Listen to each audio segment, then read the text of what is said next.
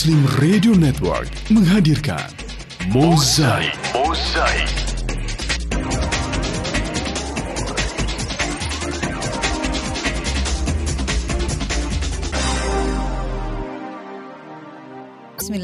Bismillahirrahmanirrahim. Assalamualaikum warahmatullahi wabarakatuh. Alhamdulillahirrohbil alamin. Mitra Muslim apa kabar Anda pagi ini? Saya Fetisha kembali bersama Anda dalam Mozaik Kamis 11 Rojab 1439 Hijriah Bertepatan dengan 29 Maret 2018 Harapan saya Anda sampai di pagi ini Di jam 10 ini Semua aktivitas Anda berjalan dengan lancar ya Dan selalu diridhoi oleh Allah Subhanahu Wa Taala. Sehat selalu dan kalaupun ada yang sakit mudah-mudahan segera diberi kesembuhan dan juga kesabaran. Ya, amin ya robbal alamin. Dan pagi ini kita akan berbincang bersama Ustazah Dr. Faizatul Roshida M. Ketrop, Kepala Klinik UIN Sunan Ampel, Surabaya. Beliau juga penulis buku dan public speaker. Pembahasan kita akan uh, mengambil tema kecerdasan bahasa seorang ibu. Mitra Muslim, Anak pertama kali belajar segala sesuatu di lingkungan keluarga dan orang tua. Ini merupakan guru yang pertama bagi anak.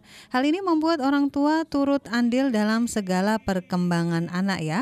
Bahkan salah seorang profesor dari Universitas California Los Angeles, Alan Shore, menegaskan bahwa perkembangan otak anak merupakan hasil interaksi anak dengan pengasuh utamanya yang biasanya adalah ibu. Seorang anak yang besar di lingkungan yang keras dan kurang mendapat kasih sayang terutama dari ibunya, baik secara verbal maupun nonverbal, akan berdampak padanya ketika sudah dewasa. Nah, mitra muslim, bagaimana bisa kecerdasan bahasa seorang ibu mempengaruhi perkembangan anak? Mari mengobrol, berbincang bersama Ustadzah Dr. Faizatul Roshida M. Ketrop, Kepala Klinik UIN Sunan Ampel Surabaya, penulis buku dan juga public speaker. Saya sapa dulu beliau. Assalamualaikum Ustadzah. Waalaikumsalam warahmatullahi wabarakatuh. Alhamdulillah kabar baik pagi ini Ustadzah. Alhamdulillah baik. Alhamdulillah. Ya, uh, Feti masih ingat dengan saya. Seperti yeah. tertahan tadi. Uh, uh, Mbak Feti. baik.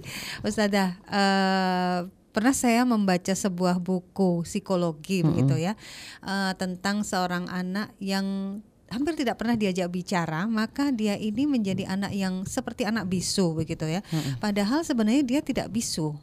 Nah, uh, kalau di awal tadi disampaikan bahwa kecerdasan bahasa seorang ibu ini mempengaruhi betul uh, uh, bagaimana perkembangan anak. Bagaimana bisa seperti ini, Ustazah? Mm-hmm. Silakan. Ya, jadi eh, kemampuan berbahasa seorang ibu sangat berpengaruh pada kemampuan dan kecerdasan berbahasa juga pada seorang anak. Jadi kalau kita paham bahwa eh, kemampuan berbahasa termasuk kemampuan berkomunikasi itu melibatkan banyak faktor ya, Mbak Feti. Hmm supaya anak itu bisa mengucapkan dan memproduksi satu huruf di situ ada banyak faktor yang terlibat. Yang pertama dia harus memiliki organ pendengaran yang bagus ya. Karena untuk bisa menduplikasi suara yang dia dengar dia harus mendengar dulu faktor pendengaran. Kemudian rangsangan pendengaran ini akan disampaikan kepada susunan saraf pusat kita, pusat susunan saraf pusat kita adalah otak oleh saraf sensorik ya, saraf-saraf penerima rangsang.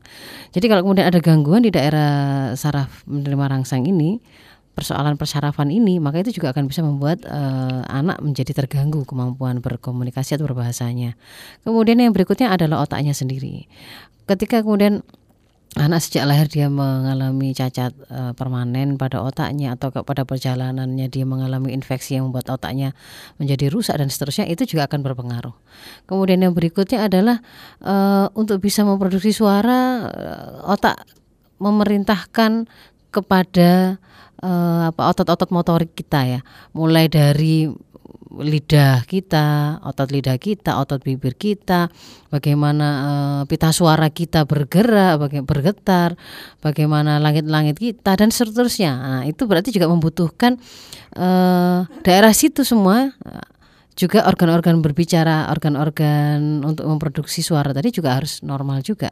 Uh, akan berpengaruh di situ uh, ketika lidah itu pendek ataukah panjang, apakah uh, langit-langitnya terbelah, tidak menutup sempurna ataukah sudah sempurna, mm-hmm. apakah pita suaranya ada benjolan atau tidak, misalnya begitu ya. Apakah bentuk rahangnya, bentuk giginya itu semua akan berpengaruh pada produksi suara produksi bunyi yang dia lakukan. Tetapi lebih dari itu untuk saya bisa menghasilkan sebuah huruf, kata, kalimat dengan makna tertentu, maka itu membutuhkan ada e, bank kosakata yang dimiliki oleh anak dan itu diperoleh melalui proses pendengaran melalui proses stimulasi yang dilakukan oleh orang tuanya. Stimulasi paling awal, paling dini itu adalah stimulasi yang bisa dilakukan oleh seorang ibu dia tidak bisa dikalahkan oleh orang lain dalam hal ini hmm. ya jadi stimulasi seorang ibu itu melampaui pihak mana pun yang bisa apa yang bisa dilakukan oleh pihak mana pun dalam rangka menstimulasi kemampuan mendengar sang anak hmm. karena anak itu janin itu sudah bisa mendengar sejak dia dalam kandungan hmm. tujuh minggu 8 minggu itu sudah mulai terbentuk organ-organ pendengarannya Sementara kalau melihat itu justru setelah lahir, baru setelah lahir dia baru melihat satu titik, kemudian satu bulan berikutnya dia mulai lebih jelas lagi satu meter. Jadi memang pendengaran itu sesuatu yang apa namanya, sesuatu kemampuan yang harusnya lebih dulu distimulasi oleh orang tua agar anak-anaknya itu memiliki kemampuan berbahasa yang bagus. Dan siapa pihak yang paling alami, paling memungkinkan untuk melakukannya adalah yang membawa bayi itu sejak dari mana-mana itu itu ibunya kan begitu ya. Hmm. Jadi dia bisa memulai stimulasi pendengaran itu sejak dari dia me, apa namanya mengandung sang janin hmm. itu. Hmm. Jadi kalau kemudian bayangkan kalau kemudian sang ibu tidak memahami uh, potensi yang dia punya, dia kemudian juga tidak memahami potensi yang dimiliki oleh anak saat itu sudah bisa dia stimulir sebenarnya. Dia juga tidak paham bagaimana cara melakukan stimulasi misalkan maka akan dia akan melewatkan banyak sekali kemampuan anak pada masa-masa emasnya. Ketika seorang anak lahir eh, perkembangan otaknya pun itu meles, melesat ya mele, melejit dengan pesat itu pada awal-awal usia kehidupannya yaitu usia 0 sampai 5 tahun itu sudah mencapai 50% perkembangan otak.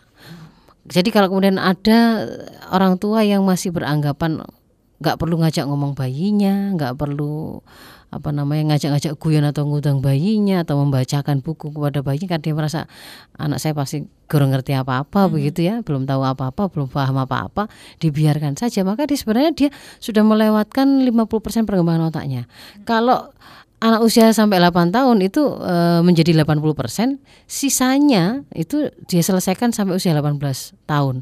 Jadi antara lima tahun ke bawah dengan sis dengan di atas lima tahun itu sama begitu ya. Apa namanya? perkembangan otak yang sedang terjadi pada anak. Jadi eman sekali kalau kemudian usia dini itu terlewatan begitu saja karena orang tua mengira nanti kalau dia sudah sekolah kan akan distimulasi. Nah, itu sebenarnya dia sudah melewatkan sangat banyak uh, kesempatan emas untuk mendapatkan apa namanya kemampuan berbahasa anak yang bagus itu. Hmm. Gitu. Artinya apakah memang uh, setiap anak ini sejak mereka di dalam janin itu mm sudah memiliki eh, level-level uh, tertentu dalam kemampuan ini terutama untuk pendengarannya dulu ya. Oh, itu uh, kemampuan mendengar ya. Kemampuan mendengar -mm. dan maaf dan apakah nanti uh, dari kemampuan mendengar ini juga akan mempengaruhi kemampuan berbahasanya juga, Ustazah? Artinya pertanyaan hmm. saya adalah uh, level dari uh, kemampuan anak mendengar, kemudian kemampuan anak apa namanya uh, menerima apa yang dia dengarkan, kemudian mengolah dan sebagainya, memahaminya, memahaminya, gitu. hmm. itu adakah level-levelnya memang, hmm, Ustazah?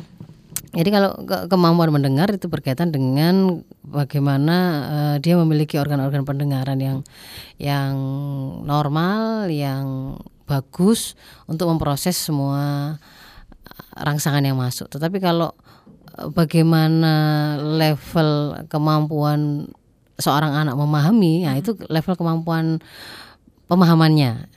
Nanti memang akan juga uh, sangat perlu kita ketahui agar para orang tua termasuk para ibu terutama para ibu karena dia adalah guru pertama dan utama untuk anaknya hmm. untuk bisa memilih uh, cara berkomunikasi yang sesuai dengan level kemampuan berpikirnya sang anak hmm. ya. Jadi kalau kalau anak itu uh, dalam hal kemampuan memahaminya, ya, kesadarannya, itu bisa kita bedakan paling tidak pad, terdiri pada beberapa level ya. Usia 0 sampai 6 tahun, usia dini lalu usia 7 sampai 10 tahun, lalu 10 sampai 14 tahun, lalu usia berikutnya adalah 14 tahun ke atas ya. Usia dini ini anak lebih mudah paham dia baru memiliki kesadaran yang bersifat emosional ya, belum bersifat rasional. Jadi dia itu baru ngerti dengan bahasa-bahasa yang sifatnya uh, emosi merupakan pemenuhan terhadap kebutuhan fisik dan juga uh, nalurinya. Jadi dia itu mengerti sedih karena dimarahi, karena dilarang, dia bisa mengerti senang karena mendapatkan hadiah, dia merasakan senang karena dipuji, karena dipeluk, karena disayang itu dia paham. Tetapi kalau kemudian eh, apa namanya kita minta dia untuk paham kenapa misalkan anak usia 2 tahun begitu ya tidak boleh apa namanya lari-larinya itu karena ketika kamu lari-lari ketika kakimu basah itu eh, apa namanya kamu bisa terjatuh licin ketika terjatuh itu akan berbahaya berbahayanya adalah bisa jadi kamu akan eh, apa namanya ada cedera di kepala dan itu sangat berbahaya. Dia tidak bisa sanggup sampai paham ke sana tetapi bahwa kalau jatuh itu sakit dia akan paham itu. Nah itu level berpikir yang pertama. Sehingga ya. bahasa-bahasa kita kepada anak usia dini itu adalah bahasa-bahasa yang memiliki memang sentuhan emosional seperti membangun konsep diri positif Uh, kamu anak soleh, anak pintar, anak hebat, anak rajin, anak kuat, anak sehat yang seperti itu. Yang kemudian uh, dia juga mengerti tentang uh, pujian, dia mengerti tentang keteladanan. Nah di situlah uh, harusnya kemudian seni berkomunikasi kita kepada anak dengan kemampuan kesadaran atau pemahaman yang masih emosional. Baik. Uh-uh. Maksudnya usia dini tadi sampai usia uh-uh. berapa? Enam tahun. Sampai enam tahun ya. Yeah. Baik uh, di usia dini ini maka anak eh, lebih banyak memahami tentang kesadaran emosional saja ini hmm, Ustazah ya. artinya bahasa-bahasa yang sifatnya sentuhan emosi yeah. yang untuk bisa memenuhi kebutuhan fisik dan emosinya kemudian konsep diri yang positif ini menjadi hal yang sering kita sampaikan kepada anak-anak di usia sampai enam tahun. Hmm. Yang berikutnya nanti di sesi kedua Ustazah dan oh. tentu kita akan undang Anda mitra muslim eh, silakan bergabung dengan kami di 031 56245 nya 3 kali SMS dan WhatsApp di 0855 300938.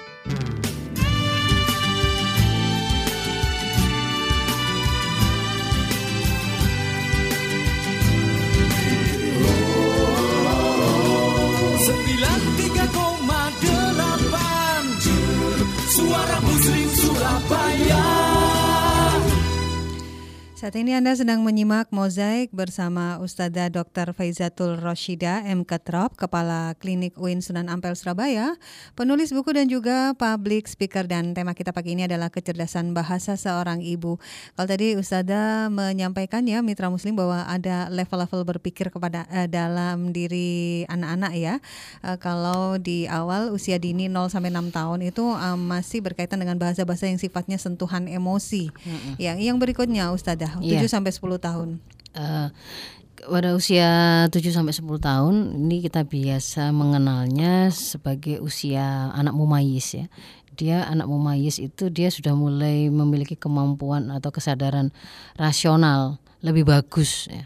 Jadi dia sudah mulai bisa diajak berpikir dengan uh, melakukan atau mengalami proses berpikir. Proses berpikir itu begini Mbak Feti. Hmm. Proses berpikir itu tidak diwakili atau tidak hanya dilakukan oleh satu organ tertentu.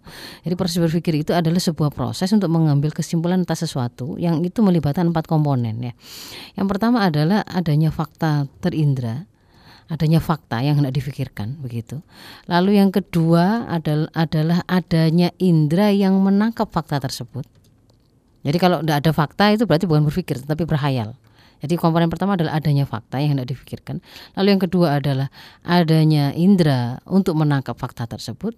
Indera ini bisa dari uh, fakta itu tadi bisa ditangkap oleh indera penglihatan, pendengaran, perabaan, pengecapan dan seterusnya seperti yang kita punya. Kemudian indera ini akan mengantarkannya karena dia adalah saraf sensoris, dia akan mengantarkan dan mengirimkannya ke otak kita. Nah, di otak kita ini nanti akan terjadi sebuah proses apa namanya pengkaitan antara fakta yang sudah diteruskan kepada otak itu dengan tafsirnya berupa sebuah informasi. Itu komponen yang keempat berarti informasi yang sudah dimiliki oleh seorang seseorang tadi yang akan dia gunakan untuk menafsiri fakta yang masuk. Ketika terkait antara uh, fakta yang diindra dengan informasi sebelumnya, maka di situlah kemudian seseorang itu akan paham. Jadi misalkan uh, di depan saya kisahnya ini, kisahnya Nabi Musa saja lah, kisahnya Nabi Musa ya.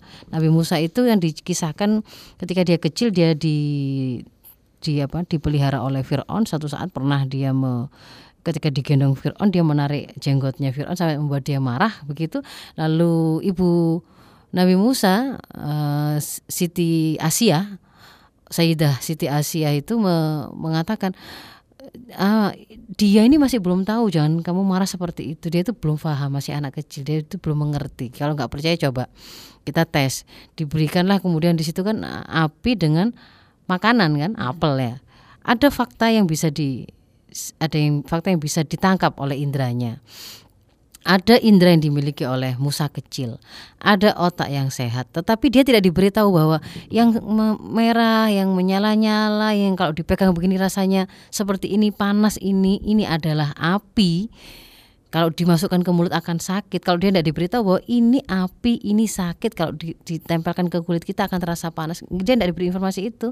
Sementara yang satunya itu ini adalah apel, ini adalah makanan. Kalau yang bentuknya seperti ini, kalau kamu gigit akan ada rasa begini. Kalau dia tidak diberitahu begitu, maka dia tidak akan mengerti bahwa ini adalah apel, ini adalah api begitu. Dan pada saat itu yang diceritakan Musa kecil mengambil api yang membuat uh, lidahnya menjadi lebih cadel ya, hmm. lebih cadel ketika berbicara. Nah, jadi semua empat komponen itu harus ada.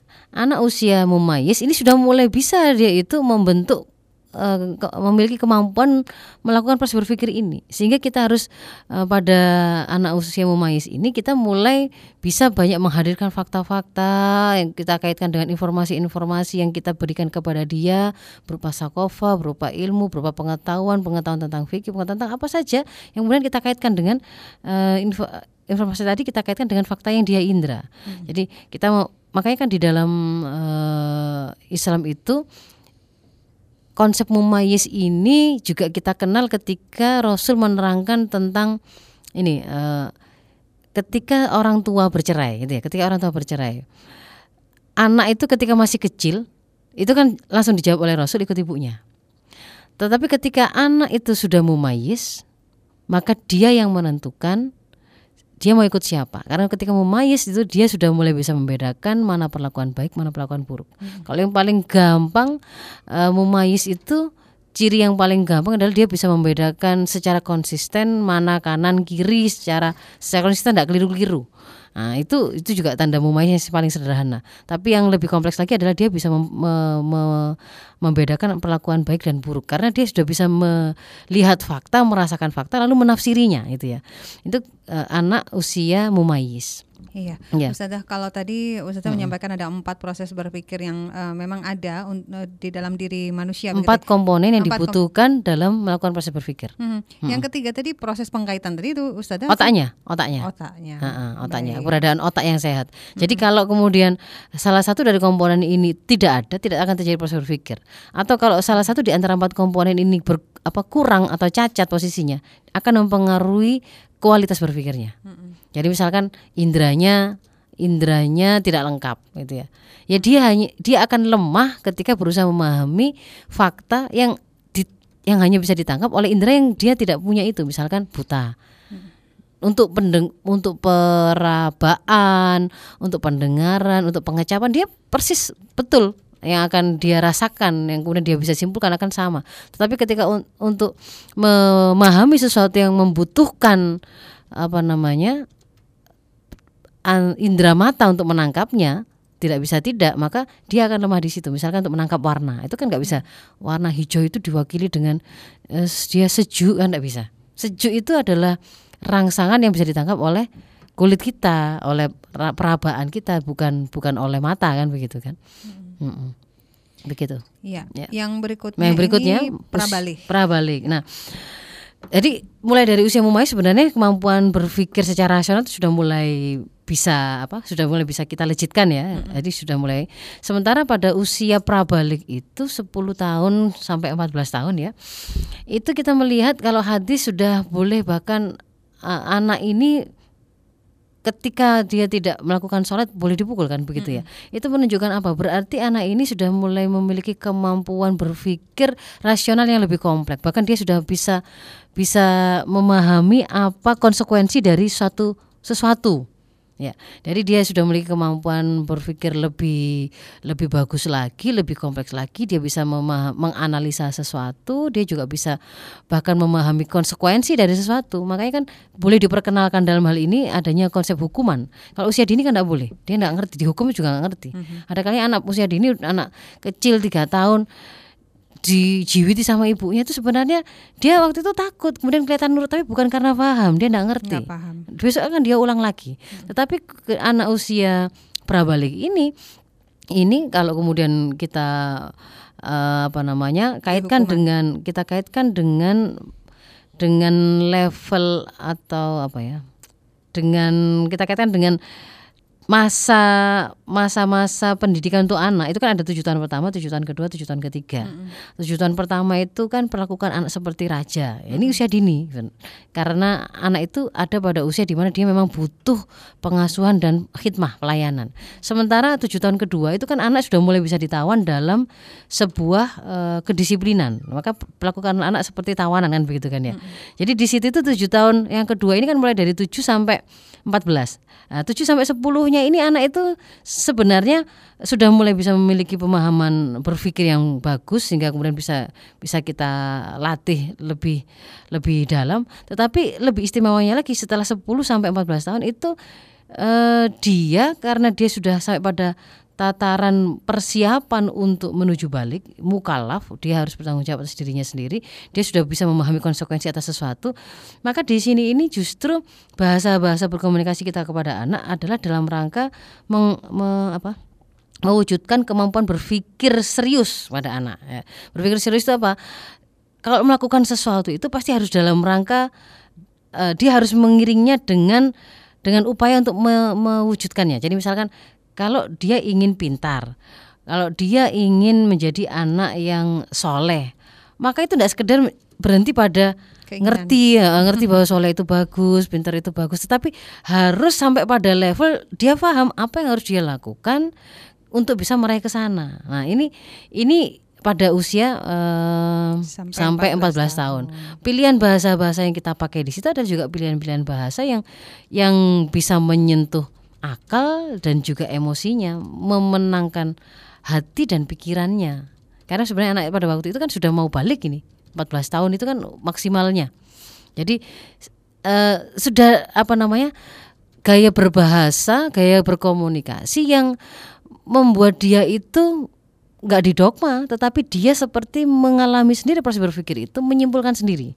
Ini bahasa-bahasa yang kita pakai adalah yang seperti itu.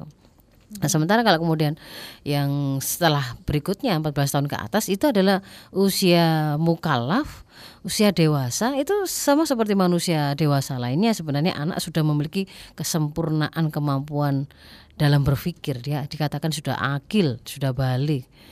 Mestinya bangunan kepribadian Islamnya itu sudah sebagai dasarnya itu sudah kokoh ya, sudah kokoh. Tinggal pena, pen, penang apa penancapan lebih lanjut dan pengembangan melejitkannya menjadi karakter kepemimpinan bagi tengah-tengah masyarakatnya. Nah, nanti cara ber, cara berkomunikasi kita kepada anak di usia dewasa adalah bagaimana membuat dia itu tidak hanya berpengaruh untuk dirinya sendiri, baik untuk dirinya sendiri tapi berpikir untuk umatnya, untuk bangsanya, untuk masyarakatnya begitu. Bahasa-bahasa kita. Baik, uh, Ustazah kita jeda dulu untuk beberapa pariwara dan nanti akan kita sampaikan beberapa uh, pertanyaan dari mitra muslim. Anda tentu bisa terus bergabung dengan kami di 031 56245-nya 3 kali, SMS dan WhatsApp di 0855 3000 Mozaik akan segera kembali.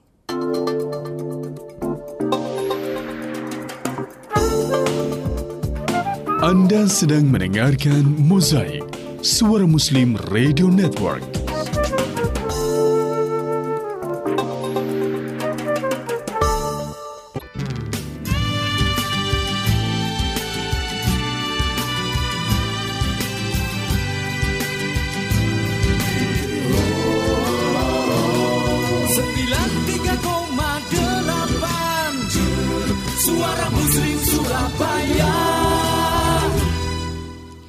Kembali dalam mozaik pagi ini dan uh, kita bersama Ustazah Fau Ustazah Faiza ya Ustazah Dr. Faizatul Roshida M. Ketrop, Kepala Klinik UIN Sunan Ampel, Surabaya, penulis buku dan juga public speaker. Kita bahas tentang uh, kecerdasan bahasa seorang ibu dan uh, Ustazah sebelum melanjutkan lagi apa yang tadi kita bahas sampai di balik ya terakhir hmm. tadi itu mengenai level berpikir, ada beberapa SMS dan juga WhatsApp yang sudah masuk.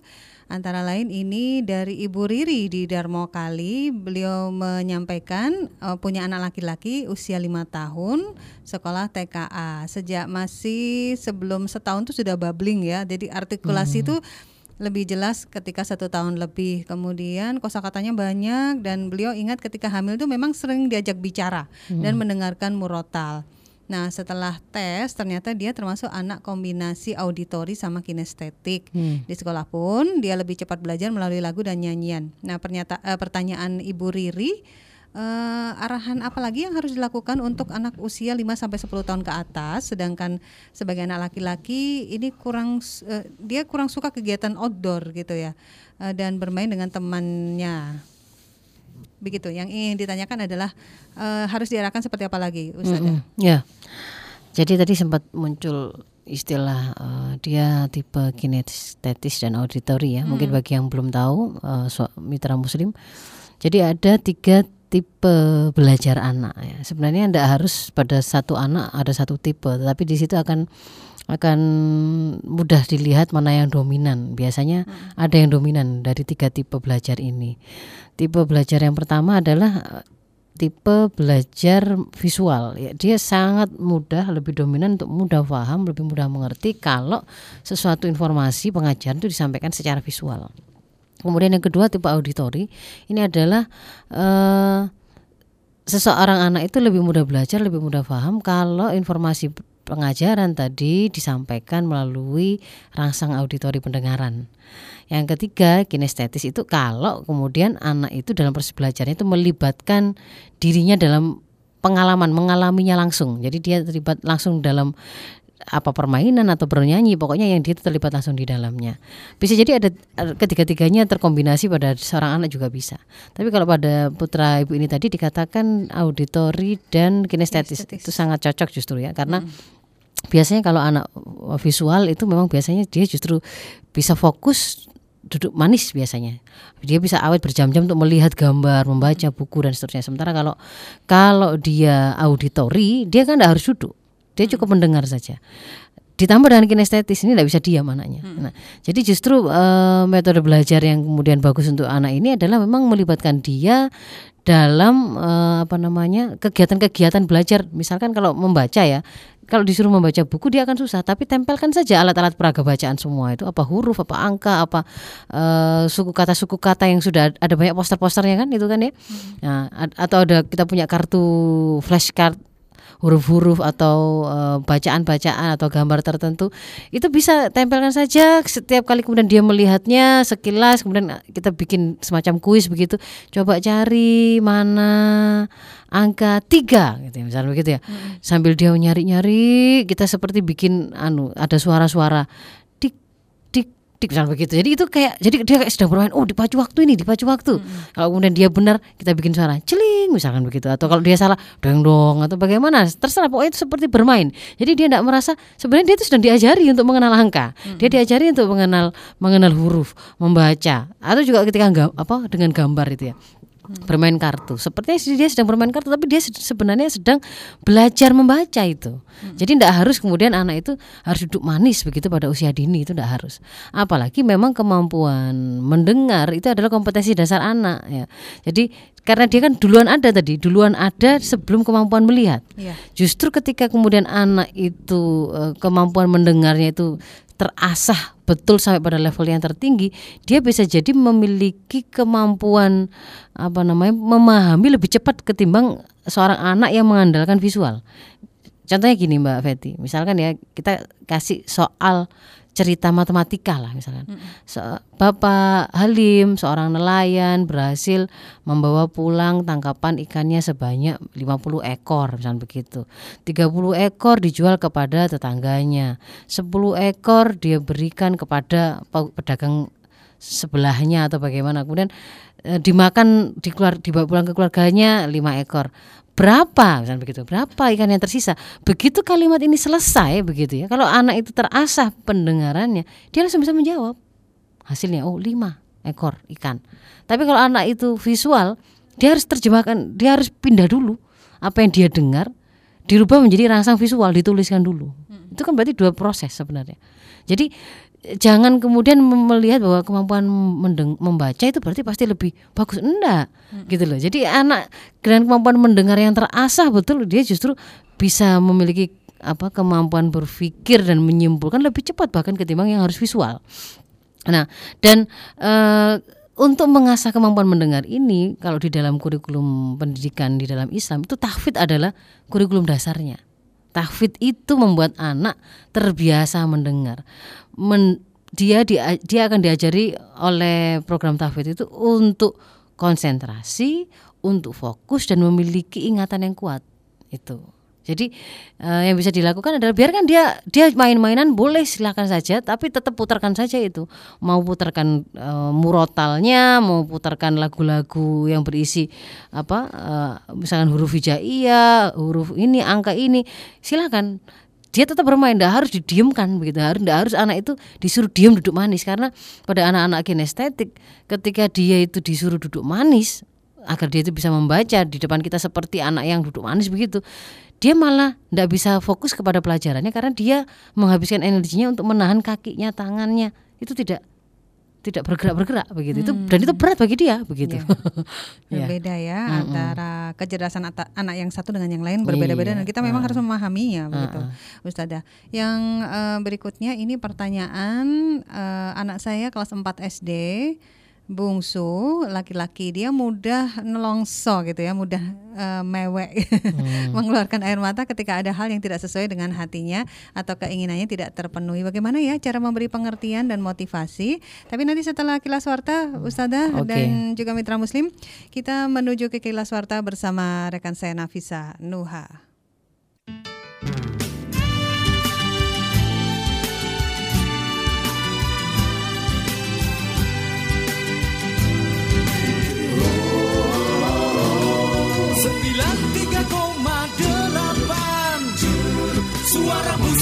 Surabaya. Kita di sesi terakhir mozaik bersama Ustadzah uh, Dr. Faizatul Roshida M. Ketrop, Kepala Klinik UIN Sunan Ampel Surabaya, penulis buku dan juga public speaker. Kecerdasan bahasa seorang ibu dan uh, saya akan melanjutkan untuk me membahas apa bukan membahas ya, menyampaikan dulu bukan saya yang membahas ini. Pertanyaan dari Anda uh, yang sebelumnya tadi anak laki-laki yang gampang nelongso ini hmm, Ustazah. Hmm, ya. Gampang nelongso. Jadi sebelum kemudian kita eh, memberi apa namanya arahan begitu ya atau solusi terhadap gampang nelongsonya itu coba bantu dia mengenali sebenarnya rasa apa yang yang dia hendak tunjukkan hmm. gitu ya. Adik sedih mas sedih itu jadi dikasih label ditunjukkan apa sedihnya kenapa karena apa.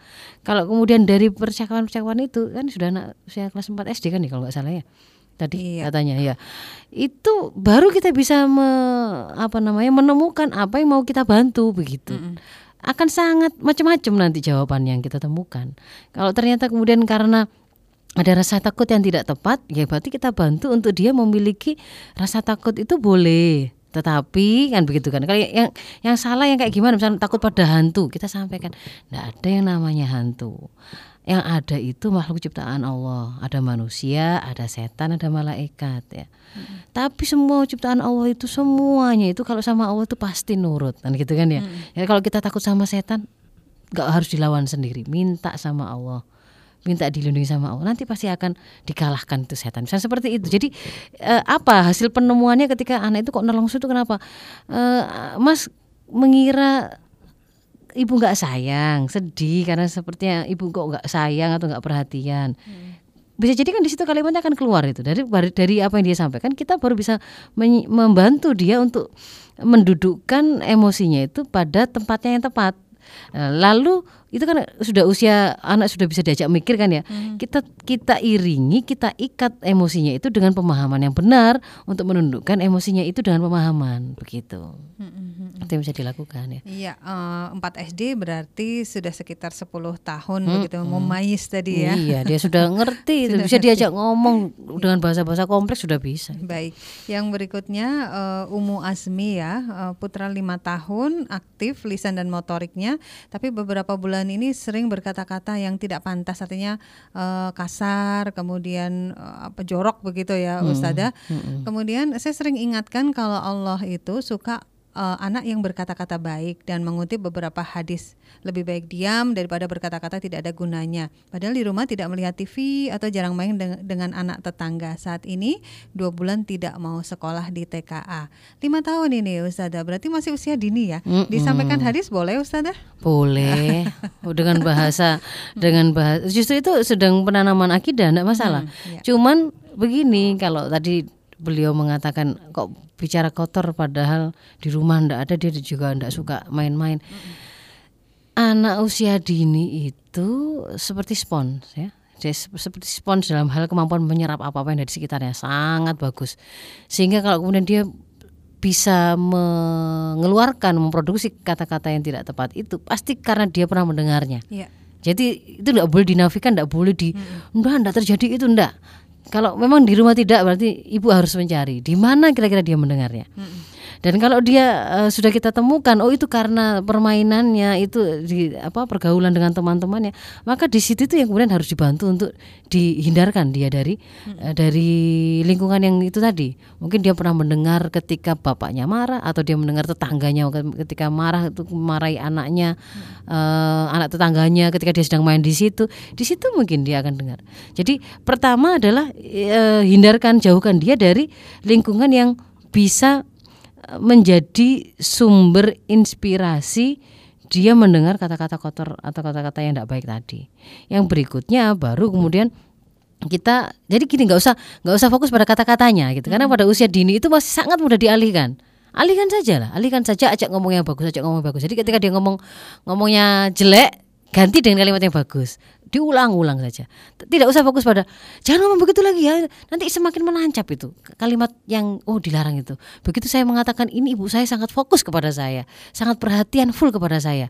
Maka saya dia kalau saya ingin mendapatkan perhatian ibu saya, saya ulang itu kalimat itu. Nanti begitu jadinya. Jadi kayak abaikan saja ketika dia ngomong nggak bagus itu eh, koreksi tetapi tidak membuat anak merasa dengan mengatakannya ibunya ternyata ada keuntungan yang bisa didapatkan dia mendapatkan perhatian full dari ibunya begitu. Jadi dialihkan kepada yang lain kalimat yang bagus yang lain kalimat bagus yang lain. Seperlunya untuk diluruskan itu tadi tapi harus dipastikan dia tidak kembali ke tengah lingkungan yang itu tadi ya yang mengajarkan dia berbicara tidak bagus hmm, itu hmm, karena masih lima tahun hmm, selain sifatnya memang seperti spons yang terus menerus hmm, mudah menyerap hmm, tapi dia juga mudah dialihkan begitu ya mudah ya? dialihkan ya? nah hmm. jadi e, kalau kita banyak banjiri dia dengan informasi kata-kata yang bagus sudah itu yang akan diserap oleh dia nah nanti yang yang sudah tidak pernah dia dengar lagi ya akan hilang hmm. tapi kalau kita sendiri yang mengulang jangan bilang ini kalimatnya kita sebutkan, kita sebutkan. Nah, itu mau menancap itu nanti. Semakin ingat. ini menjadi pengalaman juga bagi Ibu Deni di Wage ya. Uh, beliau punya tiga anak, 21 tahun, 12 tahun dan bayi 6 bulan, masya Allah, alhamdulillah. Dan uh, pengalaman beliau untuk anak yang umur 21 tahun memang uh, karena jarang diajak bicara, maksudnya tidak tidak talkatif gitu ya. Mm-hmm. Dan memang anaknya tidak talkatif juga mm. dan uh, ter, ternyata memang ada kesulitan perkembangan bicara. Mm-hmm. Tetapi ketika yang umur 12 tahun eh, karena ada pengalaman itu, kemudian yang untuk anak untuk anak 12 tahun uh, lebih banyak diajak bicara. Mm-hmm. Dan sekarang uh, beliau menyampaikan untuk anak yang 21 tahun, 21 tahun tadi memang ternyata kan ada kelainan uh, hmm. maksudnya berkebutuhan khusus begitu ya. hmm. ya. Beliau sampaikan sungguh ajaib huruf-huruf hijaiyah secara tidak langsung seperti terapi wicara. Jadi semangat buat bunda-bunda yang memiliki uh, anak berkebutuhan khusus karena mengaji membuat anak-anak ABK ini lebih baik. Terima kasih Bu Deni sudah menyampaikan sharing pengalaman. Uh, Ustazah kita uh, tinggal punya waktu tiga menit lagi. Uh. Ya kita lanjutkan kembali apa yang dibahas oleh Ustazah tadi silakan. Hmm. Hari ini kita menyaksikan anak-anak dengan gangguan kelambatan berbicara itu semakin banyak, Mbak hmm. Feti. Dan itu di antaranya hari ini yang paling banyak itu bukan karena persoalan kelainan organ atau cacat pada organ, enggak, tetapi karena kurangnya stimulasi, karena orang tua tidak paham, karena orang tua tidak tidak aware, tidak care begitu ya, dan karena kehadiran gadget. Kehadiran gadget digunakan untuk menenangkan anak dianggap itu sebagai sebagai media belajar dan bermain yang terbaik untuk anak. Padahal kalau anak itu uh, usia dini gitu ya, uh, gadget berlayar itu sebenarnya justru ketika dia belum selesai distimulir kemampuan mendengarnya sampai pada batasan optimal lalu sudah terkena stimulasi visual yang yang yang auditori ini akan akan kalah begitu akan kalah. Jadi uh, ketika dia melihat layar, layar itu kan televisi misalkan ya, televisi atau video, YouTube dan seterusnya itu kan dia bergerak dengan cepat. Bergerak dengan cepat, anak itu tidak nututi untuk me, me, memahaminya. Akhirnya dia sangat fokus untuk mengikuti per, percepatan percepatan gambar-gambar yang berubah tadi itu, sehingga seolah-olah dia mengalami blocking auditory, mengalami uh, pendengaran yang seperti tertutup kita ajak ngomong jadi seperti nggak dengar gitu ya. Padahal untuk bisa memiliki tabungan kosakata yang banyak, dia butuh mendengar. Karena itulah untuk usia dini hindarkan sebisa mungkin yang namanya gadget itu. Tapi gantilah itu dengan kegiatan-kegiatan yang eh, membantu anak untuk diajak berbicara, langsung berkomunikasi, langsung yang sekaligus itu bonding seperti membacakan buku, membaca buku, mendongeng, uh, ditanya pengalamannya dan seterusnya. Jadi jangan kasih gadget supaya anak tenang gitu. Itu bahaya. Ya. Nanti anak malah switch delay hari ini. lebih Kita banyak lihat, iya. Eh, menstimulasi melalui hmm, pendengaran betul. begitu ya Ustazah ya. Terakhir ini pertanyaan dari Bu Wahyu di Gresik untuk anak yang kalem ini apa apa yang harus dilakukan untuk lebih cepat agar mau melakukan sesuatu begitu ya. Kalem. Kalem. Ya, eh, anak umur lemah lembut. Putri. Kalem itu lemah lembut. Ada yang salah ah. dengan itu. Tidak ada yang salah. Tidak ada yang ya. salah dengan itu. Jangan menganggap itu sebagai sebuah hal yang negatif kalau memang itu. Mm -hmm. Tapi kalau kemudian uh, butuh bersegera dalam ketaatan, ini sudah ada nak, sudah waktunya sholat. Atau ini sudah mau ganti jadwal sholat ini. Kamu belum sholat. Ya itu bersegera dalam hal itu itu bukan persoalan kalem atau tidak kalem. Hmm. itu ketaatan persoalan bersegera dalam melakukan ketaatan. Itu hmm. yang kemudian jenengan harus ibu ibu tadi harus kemudian ajarkan begitu. Jadi yeah. bukan persoalan harus cepat jalannya harus ngomong harus cepat. Enggak itu itu pembawaan juga masing-masing orang ya Uh, uh, berbeda-beda nanti. Baik, Ustazah kita di ujung perbincangan terakhir yang ingin disampaikan kepada mitra Muslim, silakan. Mm -mm. Jadi uh, menjadi orang tua itu memang tidak ada sekolahnya, Mbak Feti, yeah. sehingga uh, kita harus juga menjadi pembelajar setiap saat ya. Kita harus siap untuk belajar kapan pun dan di mana pun. Tidak masalah ketika kemudian ternyata kita baru menyadari, loh kok saya telah melakukan kesalahan tetap syukuri bahwa kita diingatkan dan disadarkan bahwa kita telah melakukan kesalahan dalam pendidikan anak saat ini karena itu berarti kesempatan bagi kita untuk memperbaiki di kemudian hari.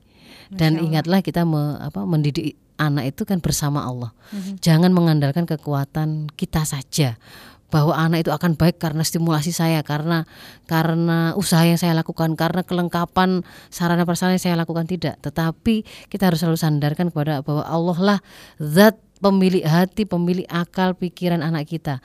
Kalau kemudian Allah menghendaki anak kita yang hari ini kayaknya susah paham, berkebutuhan khusus ketika Allah menghendaki berubah akan berubah. Maka selalu sandarkan pendidikan anak kita juga kepada Allah begitu. Masya Allah, mm Masya Allah. Amin. Ya Rabbal Alamin. Ibu Yulia terima kasih di detik-detik terakhir mengirimkan apresiasinya untuk mm -hmm. Ustazah. Mudah-mudahan uh, bermanfaat ya untuk Ibu Yulia dan semua ibu atau bapak mitra muslim semuanya yang sedang mendengarkan pagi ini. Dan uh, saya sampaikan terima kasih Ustazah sekali lagi. Sama-sama uh, semoga bermanfaat. Amin ya rabbal alamin sehat dan sukses selalu. Assalamualaikum warahmatullahi wabarakatuh. Waalaikumsalam warahmatullahi wabarakatuh. Demikian Mitra Muslim program Mozaik pagi ini dengan uh, tema kecerdasan bahasa seorang ibu bersama Ustazah Dr. Faizatul Roshida M. Ketrop, Kepala Klinik UIN Sunan Ampel Surabaya. Beliau juga penulis buku dan public speaker. Semoga pembahasan tadi bermanfaat ya bagi kita semua. Terus semangat sebagai orang tua pembelajar yang mendidik anak bersama Allah. Masya Allah. Saya Feti Aisyah pamit undur diri dari ruang dengar Anda. Subhanakallahumma bihamdika nasyadu alla ilaha illa anta nastaghfiruka wa natubu ilaik. Maha suci engkau ya Allah dan dengan memujimu kami bersaksi. Tiada Tuhan yang berhak diibadai selain engkau. Kami memohon ampun dan bertaubat kepadamu. Wassalamualaikum warahmatullahi wabarakatuh.